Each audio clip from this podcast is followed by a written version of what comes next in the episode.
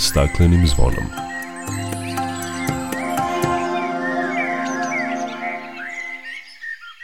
Dobar dan i dobrodošli na Zeleni talas prvog programa radija Radio Televizije Vojvodine. Ja sam Dragana Ratković.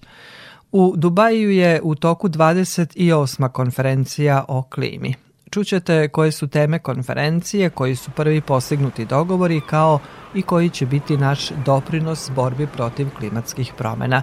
Govorit ćemo o sistemu za sakupljanje ambalažnog otpada uz korišćenje inovativnih tehnologija koji prihvata sve vrste materijala istovremeno, od PET plastike i limenki preko stakla do tetrapak ambalaže, a koji je testiran u Zrenjaninu. Biće reči i o pojavi ptičijeg gripa kod nas, da li se mogu predvideti žarišta, koliko je opasan za ljude, kao i preporukama kako se ponašati. Govorit ćemo i o kampanji Sokolom za Sokola koja je počela pre nekoliko dana, a koja je usmerena na zaštitu stepskog sokola. Toliko u najavi o svemu opširnije nakon pozdravne pesme. Dok priroda kraj nas plače Za vladarskim svojim tronom Tužno vele narikače Pod staklenim nismo zvonom Znaj vazduha više nema Sve Protiv sebe ide čovek i to često bez pardona. Uništenju živog sveta Kao da su ljudi skloni. Čovek sam je sebi meta Zbog njega ovo zvono zvoni Uništenju živog sveta kao da su ljudi skloni? Čovek sam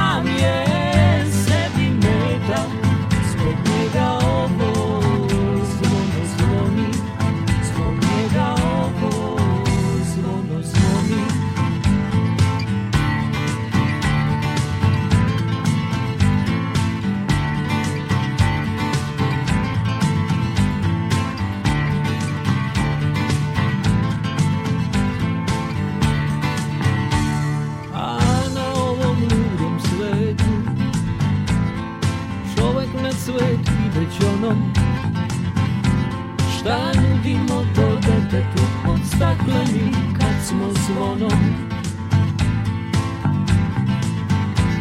Uništenju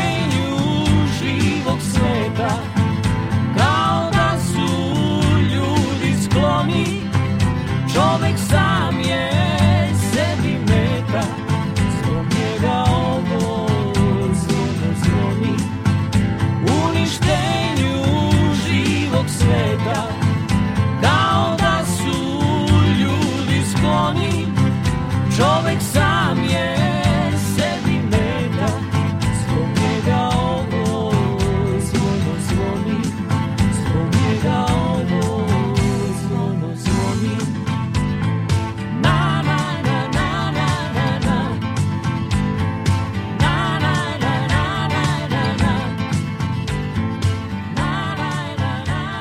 Konferencija o klimi Ujedinjenih nacija od 30. novembra do 12. decembra održava se u Dubaju. Izbor zemlje domaćina za 28. pregovora o sprečavanju klimatskih promena pokazao se kontraverznim, kao i odluka da konferencijom predsedava Sultan Al-Džaber, ministar industrije i napredne tehnologije Ujedinjenih Arapskih Emirata, koji je ujedno i izvršni direktor nacionalne naftne kompanije u Abu Dabiju. Sultan Al-Džaber otvorio je klimatski samit Ujedinjenih nacija apelujući na brojne svetske države da pronađu zajednički politički stav koji će ispuniti globalne klimatske ciljeve. On je izjavio da su mnoge naftne kompanije usvojile cilj da se postigne nulta emisija gasova s efektom staklene bašte do 2050. godine. Na ovom klimatskom forumu očekuje se da lideri država koje učestvuju na forumu konačno dogovore po prvi put o postepenom ukidanju svetske upotrebe uglja, nafte i gasa.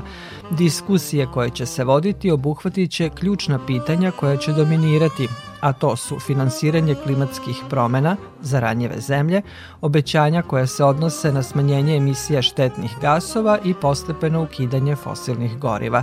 Na samom početku prvog dana samita gotovo sve zemlje koje prisustvuju saglasile su se da se osnuje fond koji bi siromašnim zemljama pomogao da saniraju posledice klimatskih promena.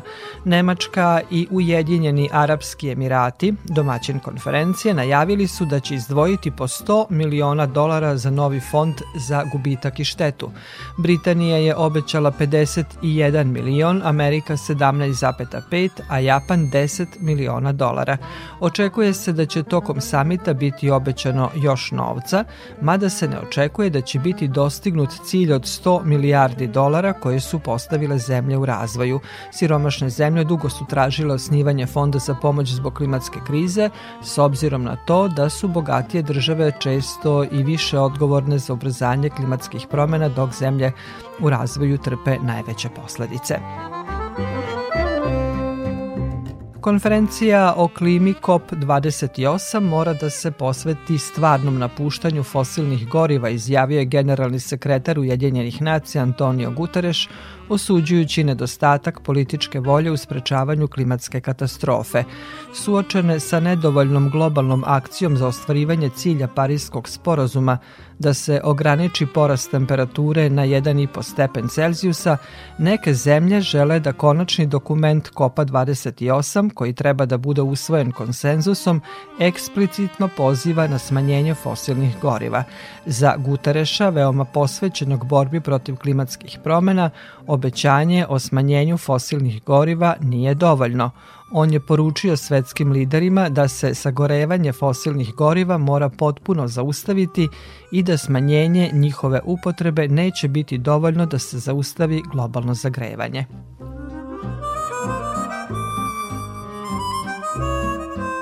Ove godine na samitu beleži se rekordan broj čelnika država i vlada, 170 učesnika, što do sada ni jedan samit nije imao.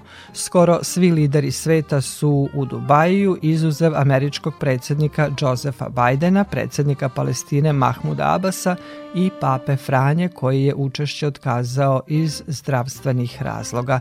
Konferenciji o klimi prisustvovao je i predsednik Aleksandar Vučić koji je predvodio našu delegaciju. On je izjavio da Srbija u odnosu na veličinu i industriju nije veliki emiter zagađujućih materija, ali moramo preduzeti određene mere kako bi dali svoj doprinos borbi protiv klimatskih promena ali u svakom slučaju mi ćemo morati mnogo toga da menjamo, da upetostručimo nivo zelene energije u našoj zemlji, morat ćemo da se borimo protiv fosilnih goriva i morat ćemo mnogo novca u budućnosti da ulažemo. Zato što je to dobro, to je važno, to je dobro za ljude u Srbiji, zato mislim da od velikog značaja i ovo što su Emirati već rekli da izdvajaju 30 milijardi u taj veliki fond kojim treba da se finansira borba protiv klimatskih promjena za tih 1,5 stepen o kojima se stalno govori.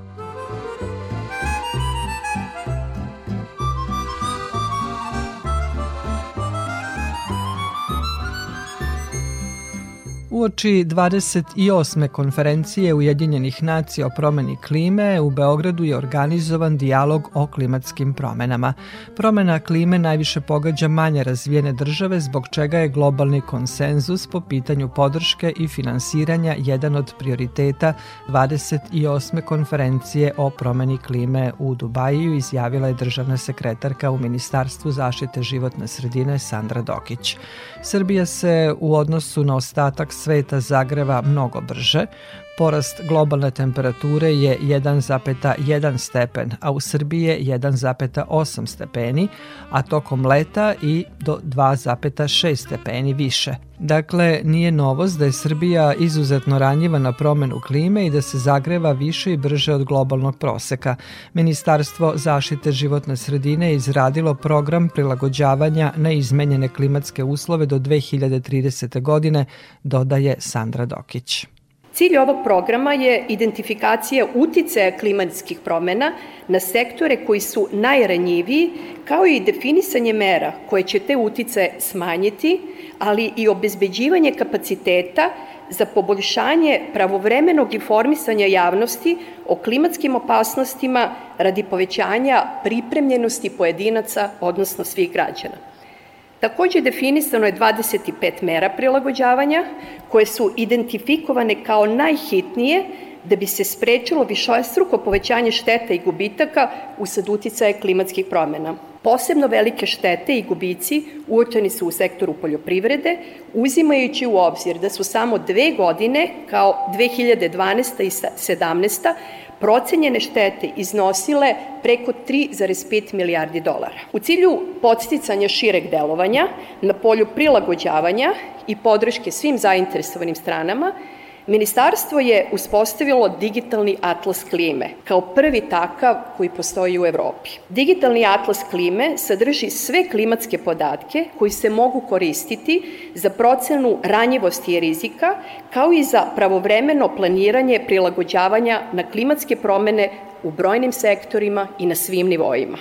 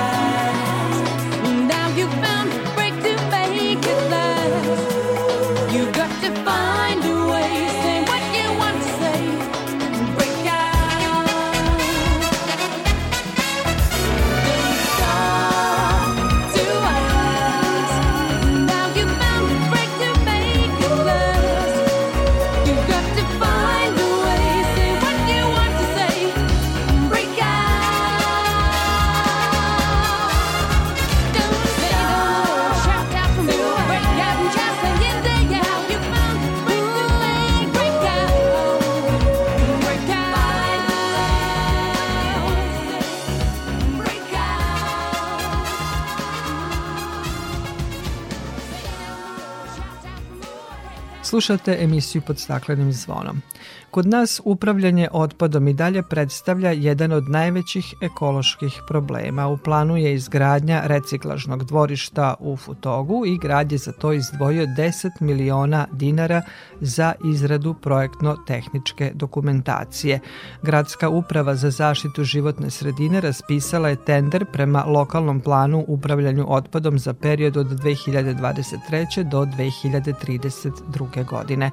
Prema ovom dokumentu kao optimalno rešenje za upravljanje otpadom predlaže se izgradnja tri reciklažna dvorišta na teritoriji grada Novog Sada. Jedno reciklažno dvorište biće deo buduće regionalne deponije, dok se izgradnja preostala dva predviđa u Futogu i Petrovaradinu. Izgradnjom reciklažnog dvorišta biće obezbeđeno razvrstavanje i odlaganje neopasnog i opasnog kućnog otpada fizičkim licima, kao i njegovo privremeno skladištenje navodi se u konkursnoj dokumentaciji. Projektovano reciklažno dvorište treba da se sastoji iz prijemne zone gde će biti kolska vaga za merenje dopremljenog otpada i prostorija za zaposlene, reciklažnog ostrva i prostora za posebne tokove, hale za postojanje za tretman, odnosno drobljenje kabastog otpada i infrastrukturno opremanje kompleksa. U okviru reciklažnog ostrva trebalo bi da postoji nadstrešnica za sekundarne sirovine, prostor za skladištenje na otvorenom, gde će biti skladišten elektronski otpad, tečni kućni otpad, nadstrešnica sa bokstovima za otpadne gume, kao i prostor za skladištenje ostalih vrsta otpada. Rok za izradu dokumentacije, odnosno ishodovanje građevinske dozvole ne može biti duži od 150 dana. Ponuđači ili grupe ponuđača se na ovaj tender mogu prijaviti do sutra, 4. decembra.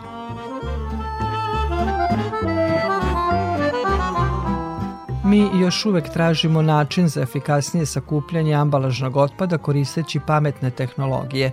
Naime, zahvaljujući projektu Pametno recikliraj, u Zrenjaninu je završeno testiranje prve inovativne tehnologije koja prihvata sve vrste materijala istovremeno, od pet plastike i limenki preko stakla do tetrapak ambalaže o kakvim inovativnim tehnologijama se radi, kakvi su rezultati postignuti u Zrenjaninu i da li će se ove tehnologije moći primeniti i u drugim gradovima, o tome sam razgovarala sa Jelenom Petljanski, menadžerkom za održivost i regulatorne poslove u kompaniji Ball Packaging Europe koja učestvuje u ovom projektu.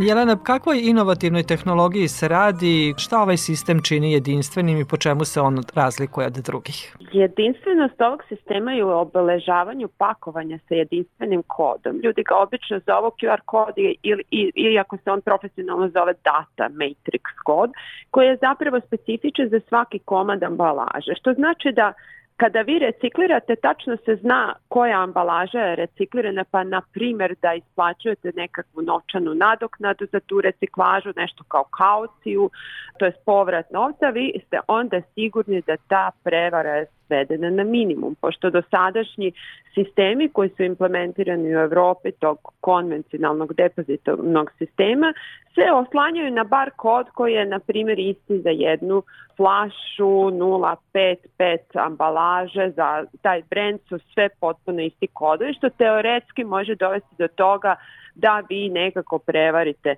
sistem. Znači onog momenta kad se taj jedinstveni kod očita u reciklaži, vi ne možete ponovo da ga vratite u istu mašinu. Konkretno reciklomati u Beograd još imaju i manji nivo prepoznavanja ambalaže jer oni prepoznaju samo po obliku najviše. Dominantno prepoznaju po obliku, pa tako bilo šta što ima taj oblik praktički može da se primi u reciklomatu, zato ta provera nije velika, no međutim reciklomat kao projekat nije ni imao cilj naravno isplatu sredstava ili tako nešto što onda zahteva sigurnosne mere na visokom nivou, nego prosto projekat je pokazao da su ljudi željni takvih sistema. E sad, šta smo mi zaključili u projektu e, što ste vi napomenuli već u ovom uvodnom obraćanju, jeste da je ovo definitivna tehnologija koja ima budućnost, ali joj još treba vremena za razvitak Konkretno, mi smo ovde u projektu u Zrenjaninu ručno lepili nalepnice koje sadrže taj kod i to je naravno skupo i nije toliko efikasno. Ta faza bi trebala direktno da se štampa na samu ambalažu, a to je neki korak koji bi trebao dalje istražiti u budućnosti kako bi videli koliko to košta industriju implementacije takvog jednog koda i koji su načini da se implementira tako nešto na ambalaži. Evo konkretno u limenkama to uopšte nije lako, mi proizvodimo 1700 limenki u minuti i štampa tog koda zbog te brzine je gotova, nemoguća i e, u tom smislu mi moramo i tehnološki sagledati i taj deo projekta. Dakle, prosto ova tehnologija je samo pitanje gde će zaživeti, da li u ambalaži ili u drugim pakovanjima koje se koriste, znači nešto što zaista pruža razno razne mogućnosti, s obzirom da sva informacija o samom sistemu se nalazi u tom kodu, znači vi tačno možete da i povećavate nivo, na primer kaucije ili depozita ukoliko vraćate tu ambalažu jer je to digitalno, vi ne morate da promenite zakon zbog toga. Tako da su to neki benefiti projekta koji zaista pružaju mogućnost uključenja više ambalaže. Konkretno u Evropi postoje određeni piloti koji su se radili, ali ni jedan nije tako ekstenzivan kao što je ovaj u Zrenjaninu, tako da ovaj, mi smo ovde zapravo pratili proizvod, znači kad se startuje taj kod u prodavnici i kad ljudi vrate tu ambalažu, tačno gde su vratili, znači potpuno se zna na neki način šta je ljudima zgodno za reciklažu, koje lokacije su im zgodne za reciklažu, koja je relacija kupca kad kupi proizvod i vraća tu ambalažu, da li mu više odgovara da to bude u samim prodavnicama, kioscima i isto tako smo testirali različite vrste mašina od onih visokotehnoloških kao što su RVM-ovi, to je nešto kao reciklomati, do e-binova, ali i potpuno neke jednostavne tehnologije za implementaciju, a to su ti ručni skeneri. Ti ručni skeneri bukvalno mogu da budu primenjeni u kiosku, u malim prodavnicama i u nekim drugim lokacijama, znači nije potrebna tolika investicija u mašine, nego taj, taj deo deo može i ručno da se obave sa ručnim skenerima. Deluje zaista pametno, zato se i zove projekat Pametno recikliraj, a da li je bila potrebna nekakva edukacija za primenu ovog aparata? Kako su zrenjaninci prihvatili ovakav način sakupljanja ambalažnog otpada? Mi smo tu testirali te različite vrste mašine, tako da i radili smo kombinaciju. Naprimer, e-binovi, to su mašine koje ne presuju ambalažu, nego skupljaju i kad se uporede ta mašina sa tim ručnim skenerama gde smo imali studente iz Renjanina koji su prihvatali ambalažu, ljudi su radije išli kod nekog ko im objasni i napravi celu stvar znači skenira tu ambalažu. Ukoliko smo imali RVM, znači te visoko razvijene reciklomate u poređenju sa ručnim skenerom, ljudi su rado prihvatali opet sa druge strane RVM-ove. Ali mislimo da generalno u sistemu, i to je nekakav zaključak, je potrebna kombinacija. Bitno je naravno znate su ljudi stariji odreagovali na sistem kako mlađi, šta je to šta još naravno treba popraviti da bi to bilo prihvaćeno od strane svih. Isto tako aplikacija je nešto što je jako dobro za komunikaciju sa građanima što i dalje treba da se unapredi u toj komunikaciji, ali kažem velike su mogućnosti, dakle mislim da taj sistem verovatno će naći svoju primenu, eto i mi u Zrenjaninu ćemo imati tu čast da smo to napravili među prvima u Evropi. Kakve ste rezultate dobili u Zrenjaninu? Što se tiče povrata ambalaže, mi nemamo visoke rezultate, zato što smo imali samo sistem nagrađivanja koji se odnosio na popuste u prodavnicama i imali smo i najveće ograničenje projekta je zapravo bilo što nisu svi proizvodi markirani u svim prodavnicama, nego one kompanije koje su finansirale projekat, to je Carlsberg, Coca-Cola, Knjaz Miloš, Red Bull, Tetra Pak i Bol. Ti proizvodi su bili markirani, ali to nisu svi. I to je negde ljude, tako da smo mi imali zapravo veću količinu otpada koju su ljudi donosili a koja nisu bila markirana. Prosto se vidi da ljudi žele da imaju nekakve mogućnosti za reciklažu i da čak i bez obzira na popuste u prodavnicama su spremni da donesu tu ambalažu. E sad kad bi mi imali mogućnost što naravno nismo mogli da implementiramo visinu depozita, na primjer 5 dinara, da se taj proizvod kupi za 5 dinara veću cenu, da kad se vrati da se vrati ta suma, mi bismo imali povrat ambalaže 90%, ali to je nemoguće bez legislative, naravno. Za realizaciju projekta i uspešnost projekta veoma je važna saradnja sa lokalnom samoupravom. Upravo to zašto smo se odlučile za tu lokaciju jeste naravno sastav prodavnica koje postoje u Zrenjinu da imamo dovoljno i hipermarketa, supermarketa i manjih prodavnica, ali prvenstveno je saradnja sa lokalnom sredinom. Mi smo zaista imali ogromnu podršku u pronalaženju lokacije za postavljanje kioska za povraćaj te ambalaže, zatim u obezbeđivanju tih kioska, da, da znači da postoji i internet i struja i sve i uopšte komunikacija sa opštinom Zrenjanin Zrenjanin je od početka glatko išla i to nam je omogućilo zaista da implementiramo ovaj jedinstven sistem bez većih problema. Projekat je završen u Zrenjaninu, da li ćete možda nastaviti taj projekat i da li će biti prilika da neki drugi gradovi dobiju mogućnost da se ovaj projekat testira i u njihovim sredinama? Što se tiče implementacije u drugim gradovima, mislim da je onaj moment koji sam pomenula na početku priče da je prvo treba istestirati kako je moguće obeležavati individualnim kodom svaki komad ambalaže.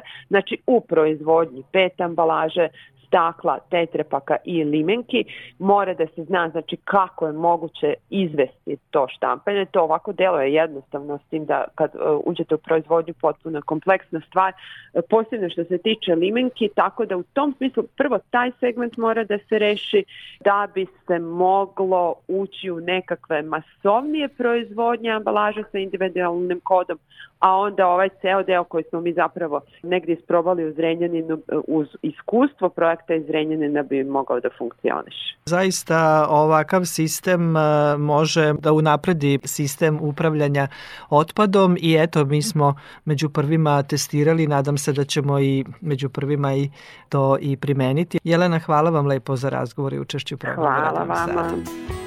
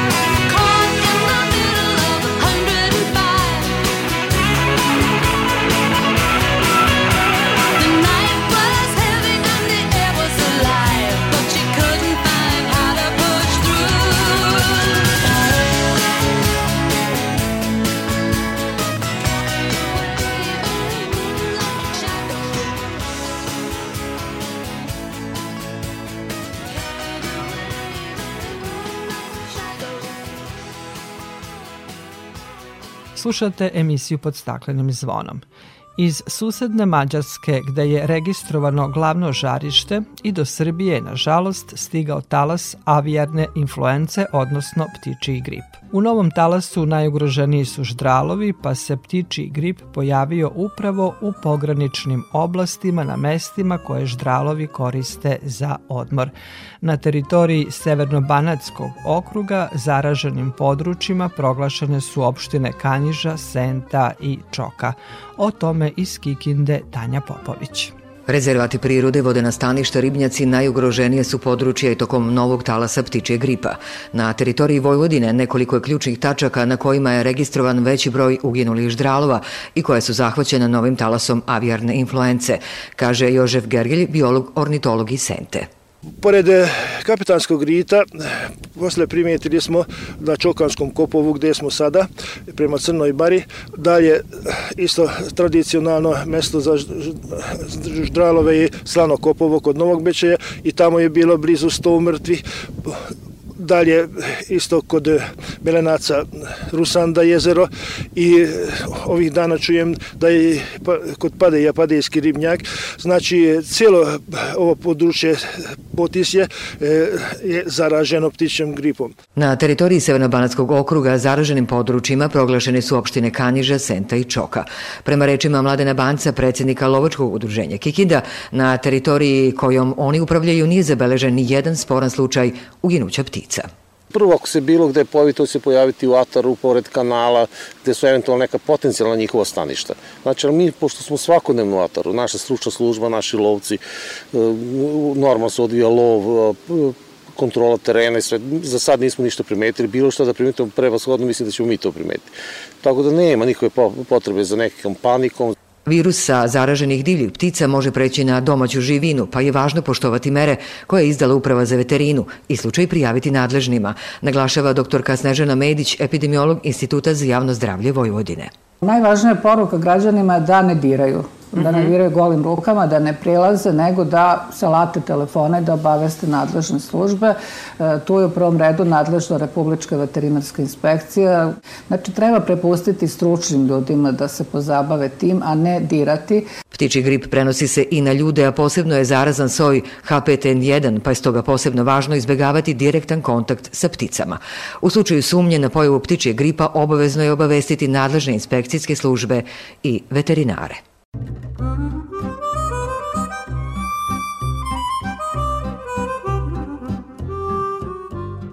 O pojavi ptičije gripa kod nas, da li se mogu predvideti žarišta, koliko je opasan za ljude, kao i preporukama kako se ponašati u takvim situacijama, sa Dimitrijom Radišićem sa Prirodno-matematičkog fakulteta u Novom Sadu razgovarao je Vlado Matijević. Svedoci smo ovih dana pojave ptiče gripa, prvo u susednoj Mađarskoj i Hrvatskoj, pa i kod nas. Reč je o pticama sa severa koje su u preletu za južnije krajeve. Da li je ovo uobičajeno vreme za pojavu tog virusa? Pa tiči grip se poslednjih godina pojavljuje u ovom periodu. Tiči grip je verovatno od uvek postojao u populacijama divljih ptica i uh, prirodni rezervoari ovog virusa su ptice koje uh, žive na vodenim staništima. Poslednjih godina mi zapravo beležimo češće slučajeve učestale pojave tiče gripa i to u jesen periodu.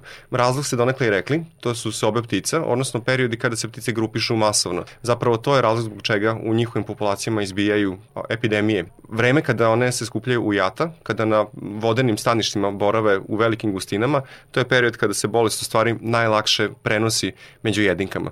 Imali smo do duše ove godine slučajeva da su e, i ptice koje uginjavale u drugim periodima godine, odnosno u periodu razmnožavanja, to se recimo dešavalo sa pelikanima ili sa e, galebojima, čigrama, na neke vrste to je ostavilo jako velike posledice i dovelo u pitanje opstanak lokalnih populacija, ali jesen je generalno period kada virus je M najaktivniji, M najviše, najduže opstaje u hladnoj vodi, M su ptice najviše koncentrisane i mogu da ga među sobom najlakše prenose. Koliko je virus virulentan i da li neka vrsta ptica napada češće od druge? Za koje vrste je pogubnije? Ono što znamo to je da virus deluje na različite vrste ptica.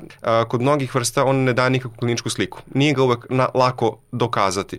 Ono što sa druge strane znamo da su vodene ptice, zbog svoje ekologije, odnosno zbog načina života, su te koje su najviše pogođene ptičim gripom. Ponovo, to su vrste koje žive u vodenim staništima gde virus lako opstaje jer a, njihovim izmetom i drugim telesnim tečnostima on u stvari dospeva u vodnu sredinu tu dugo preživljava i one grupisane lako prenose virus jedne na drugu. Tako da ako bismo gledali vrste ko, na koje on deluje najpogubnije, to bi sigurno bile vodene ptice kao što su patke, guske, labudovi, ždralovi, pelikani i slično. I naravno tu su domaće ptice, odnosno to je naša živina koja živi u uslovima idealnim za prenošenje bolesti ukoliko virus dođe u uh, masovna jata kokošaka, pataka, ćurki i tako dalje, tada uh, se uh, virus jako lako prenosi među, među jedinkama i smrtnost je nekada i do 100% od određenih sojeva. Nisu svi sojevi ptičjeg gripa podjednako prenosivi i za sada ih je zabeležen veći broj različitih. Ovaj koji se pojavljuje kod nas trenutno je jedan od najopasnijih, odnosno najlakše se prenosi, najzaraznijih. A koji to sok koji je najzarazniji, na primjer, za domaću živinu? On, to, to je soj koji se zove K5N1 i to je soj koji je prisutan trenutno u populaciji ptica, tako da trenutno je uh, realna opasnost od toga da divlje ptice pre svega virus prenesu domaćim pticama. To je nešto što je često neizbežno u ovom periodu i to je nešto što dovodi do ogromnih šteta naravno u poljoprivredi kada te životinje, odnosno ptice moraju biti eutanazirane, odnosno uklonjene. Imamo slučajeve u zapadnoj Europi gde su, gde su ove godine zabeležene ovaj, farme na kojima su se i domaće ptice zarazile. Koliko znam ove godine u našoj zemlji još uvek nismo zabeležili slučajeve da su bolest, da, da je bolest divljih ptica prešla na domaću živinu. Domaća živina može biti kod ovih ovih privatnih domaćina u dvorištima šeta, ona je pod većom opasnošću, ali ukoliko se recimo ta bolest dođe u, na farme, gde imamo masovne populacije pilića, ovaj, čurki i ostalog, tada je uh, to uh, posebna opasnost i tada je to i posebna opasnost za ljude. Da li vi sa Departmana za biologiju imate kontakte i konsultacije na ovu temu sa kolegama iz inostranstva? Ono što je važno da kažem da se stvari dosta brzo razvijaju, ja nisam siguran da li uh, druge kolege koje rade sa mnom koji se recimo bave virusologijom i drugim oblastima povezanim sa ptičim gripom da li imaju. Međutim, uh, mi koji se bavimo pticama u prirodi, uh, recimo trenutno radimo na zanimljivom projektu koji je posredno vezan sa za ptiči grip. To je projekat koji ima za cilj da se razvije neki evropski portal za ptice. Mi u stvari pokušamo da, da spojimo razne izvore podataka gde ljudi odlaze na teren, posmatraju ptice i kartiraju ih i uh, da se ti podaci prikažu u realnom vremenu to je, to je ideja portala. Ono što su začetnici ovog portala koji je naručeni projekat Evropske komisije uspeli da dokažu to je da je to jako efikasan način da se uh, predvide žarišta ptičeg gripa.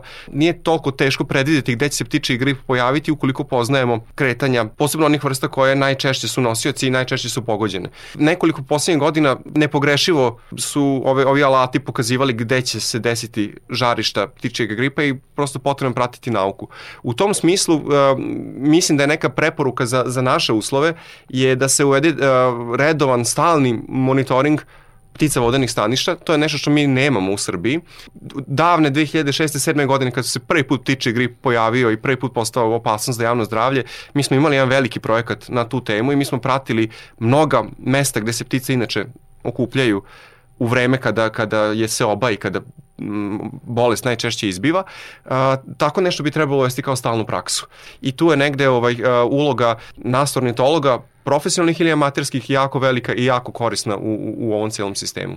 A s obzirom da je reč o zoonozi, dakle prijemčivosti i za ljude, šta kaže nauka? Kakve opasnosti ovaj virus predstavlja za ljude? Za sad ovaj virus ne možemo reći da je pretjerano opasan, zapravo od 95. godine kada se je prvi put on opisan izolovan ovaj, uh, u Kini, uh, od tada je oko 800 ljudi umrlo od ptičeg gripa. Nisu svi sojevi opasni za čoveka, ovaj koji se pojavljuje kod ptica jeste jedan od najčešćih od koga se može zaraziti i ljudi se uglavnom zaražavaju u direktnom kontaktu. U velikoj većini slučajeva to je direktni kontakt sa domaćim životinjama koje su zaražene jako je mali broj slučajeva gde virus prelazi sa čoveka na čoveka, ali to su neke stepenice u razvoju epidemije koje kada virus pređe postaje veća i veća opasnost. Dakle, ukoliko se pojavljuje u ogromnim populacijama divljih domaćih životinja ili u velikoj ljudskoj populaciji, on tada ima potencijal da prelazi u druge forme za koje nam je teže da napravimo rezistenciju. Neka vrsta mutiranja. To je vrsta mutiranja i to je nešto što smo mi videli recimo kod bolesti koje sa divljih životinja prelaze na ljude i imaju potencijal da budu pandemije, smatramo jednim od najvećih zdravstvenih rizika koji postoji. Situacija se prati redovnim monitoringom. Nadam se da neće biti mesta panice. Ja mislim da, da ne bi trebalo imati, ne bi trebalo uh, paničiti. Uh, Uprava za veterinu je izdala preporuke kako se treba ponašati. One su za sada dosta uopštene u smislu treba izbjegavati mesta velikih okupljanja vodenih ptica treba obavezno voditi računa o tome da živina bude zatvorena, da ne bi dolazila u kontakt sa divljim vrstama. A, treba prijaviti slučajeve uginuća neobičnog ponašanja divljih ptica, posebno tih vodenih ptica. A, I to je, to je za sada to što imamo od preporuka. Međutim, moramo da znamo da se ptice u ovom periodu okupljaju u velikom broju. Neka od tih njihovih okupljališta su relativno blizu nas. Ovo je recimo period kada se ptice uh, love. Uh, uh, mislim da je ovo moment kada treba obustaviti aktivnosti tog tipa na vodene ptice. Mislim da je ovo period kada treba biti jako oprezan recimo prilikom prihranjivanja ptica. Puno ljudi, posebno u gradovima, voli da posmatra patke, labudu i tako dalje, hrani ih da bi ih posmatrali slično. To je nešto sa čim sad treba stati. Sad imamo moment da ostavimo ptice na miru, da ih posmatramo sa sigurne udaljenosti i da pokušamo da što je više moguće sprečimo prelazak virusa na domaće životinje ili ovaj, u najgorem slučaju na ljude. Dakle, nema mesta panici, ali opreznost pre svega, izbjegavati kontakt sa zaraženim pticama. Hvala vam na razgovoru. Hvala i vama na pozivu. Sometimes it's hard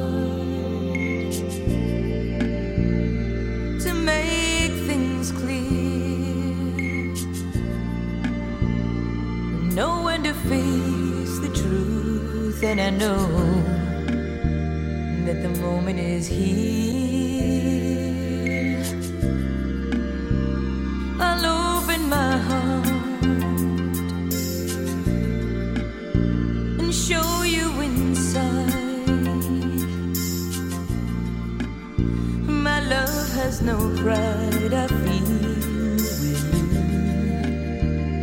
got nothing to hide. So open your eyes and see who I am, and not who you want for me to be. I am only myself,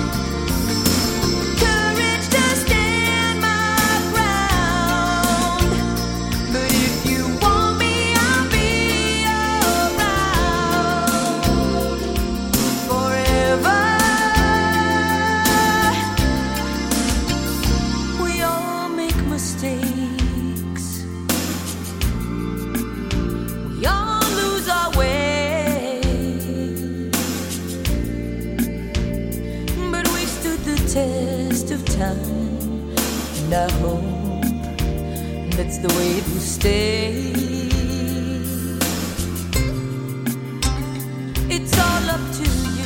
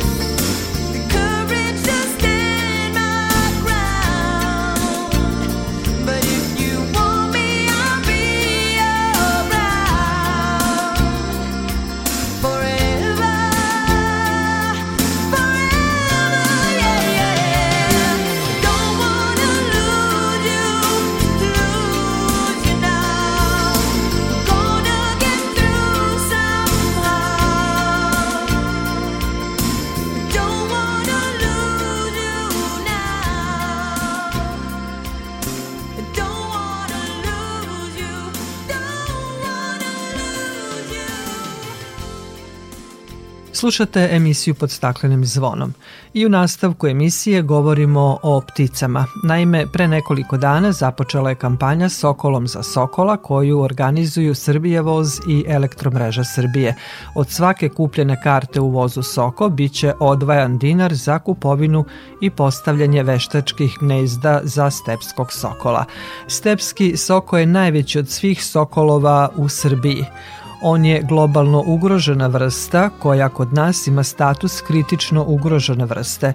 Ubijanje i proganjanje, strujni udari na dalekovodima, hvatanje radi trgovine, intenzivna poljoprivreda koja guta pogodna staništa i trovanje samo su deo liste problema koji su populaciju stepskog sokola u Srbiji smanjili. Kao aktivna mera zaštite realizuje se postavljanje platformi za gnežđenje na stubovima dalekovoda. Prema rečima generalne direktorke Elektromreže Srbije Jelene Matejić, oni su kao odgovorna kompanija posvećeni očuvanju biodiverziteta i zaštiti životne sredine, što dokazuje i projekat zaštite stepskog sokola. Partneri su im Republički i pokrajinski zavodi za zaštitu prirode kao i Društvo za zaštitu i proučavanje ptica sa kojima imaju potpisan protokol o saradnji. Proučavanjima i razmenom iskustava sa prenosnim sistemima Evrope došli smo do zaključka da su omiljena staništa stepskog sokola stubovi nadzemnih vodova pošto ih oni ne ugrožavaju i za njih predstavljaju prirodnu sredinu, kaže Jelena Matejić. U saradnji sa Društvom za zaštitu i proučavanje ptica Srbije i Vojvodine na dalekovodima u Republici Srbija, posebno u delu Vojvodine, mi smo postavili više od 200 gnezda. Najpre su ova gnezda bila postavljena kao drvena na našim rešetkastim čeličnim stubovima visokonaponskih nadzemnih vodova, a onda smo nakon ozbiljne saradnje upravo sa udruženjima i sa inovatorima u ovoj oblasti prešli na aluminijumska gnezda i ta aluminijumska gnezda imamo ih dakle oko 100 postavljenih najvećim delom na teritoriji Vojvodine i mi smo zaista ponosni na činjenicu da smo zahvalivši toj inicijativi svih nas zajedno uspeli da gotovo udvostručimo broj parova u Srbiji i oni sa nekih 30 parova uočenih i registrovanih te 2007. godine na današnji dan iznose 55, možda u ovom trenutku čak i do 60. Vršilac dužnosti direktora Srbije voza Ivan Bulajić naglasio je da železnički prevoz najmanje zagađuje životnu sredinu.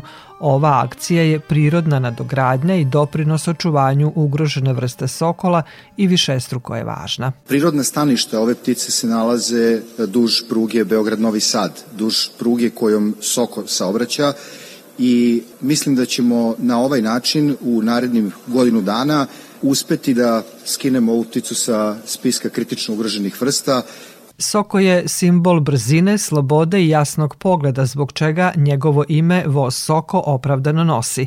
Stepski soko je izuzetno vredna i redko globalno ugrožena vrsta koja je u poslednjih 20 godina u fokusu Pokrinjskog zavoda za zaštitu prirode, jer ovoj najvećoj vrsti sokolova u Srbiji preti opasnost od izumiranja. Iako je uspeo da se prilagodi životu među oranicama, pojavljuje se novi problem nedostatka gnezdilišta, kaže pomoćnik pomoćnik direktora Pokrinjskog zavoda za zaštitu prirode Stanko Kosovac. Stepski soko ne pravi sobstvena gnezda, već ih u prirodi preotima od drugih ptica. Tako je i naselio visoka isturena mesta kao što su dalekovodi. Zbog toga će se projektom Sokolom za Sokola postavljati posebno dizajnirana veštačka gnezda na dalekovodima Ona će se postavljati na povoljnim stanovištima za stepskog sokola, pre svega duž trase pruge Beograd-Novi Sad, kojom će se obraćati njegov imeljak. Radi dodatne pomoći stepskom sokolu u okviru projekta predviđeno je čišćenje dva pašnjaka u opštini Alibunar. Predsednik Skupštine opštine Alibunar Aleksandar Siveri naglasio je da će projekat Sokolom za Sokola doprineti i unapređenju životne sredine i promociji opštine Alibunar. U realizaciji ovog projekta opština Alibunar će pružiti punu podršku u sprovođenju akcije čišćenja dela staništa Stepskog Sokola koji se nalazi na njenoj teritoriji. Takođe, pored staništa Stepskog Sokola, na teritoriji opštine Alibunar nalazi se Delibaska peščara, specijalni rezervat prirode pod posebnom zaštitom koje pravi biser našeg turizma. Ako želimo da prirodu sačuvamo za neke buduće generacije, kao društvo, se moramo ozbiljno posvetiti njenoj zaštiti i unapređenju. Početku kampanje Sokolom za Sokola prisustvovala je i ministarka rudarstva i energetike Dubravka Đedović-Handanović. Ona je istakla da je potrebno da svi zajedno podržimo ovu akciju kako bismo zaštitili stepskog sokola, pre svega kroz kupovinu karata kroz kupovinu karata jedan deo novca izdvajati u humanitarne svrhe upravo u akcije neophodne da se ili izgrade nova gnezda ili da se neke druge aktivnosti sprovedu da bi stvorili uslove da naš stepski soko može da nastavi da se razvija, da se razmnožava e, i da živi. Srbija je mala zemlja, ali čak 74% biodiversiteta ptica u Evropi upravo se nalazi u našoj zemlji i mislim da treba da budemo odgovorni. Ja kažem, ekologija i energetika su neraskidive. U ovom slučaju na dalekovodima elektromreže Srbije gnezda se postavljaju radi zaštite stepskog sokola.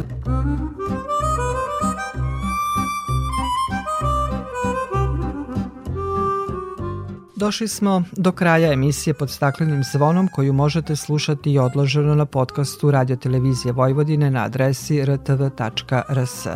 Na pažnji vam zahvaljuju Sabina Nedić, Maja Tomas i Dragana Ratković. Naredni susret zakazujemo za sedam dana u isto vreme na zelenom talasu prvog programa radija Radio Televizije Vojvodine.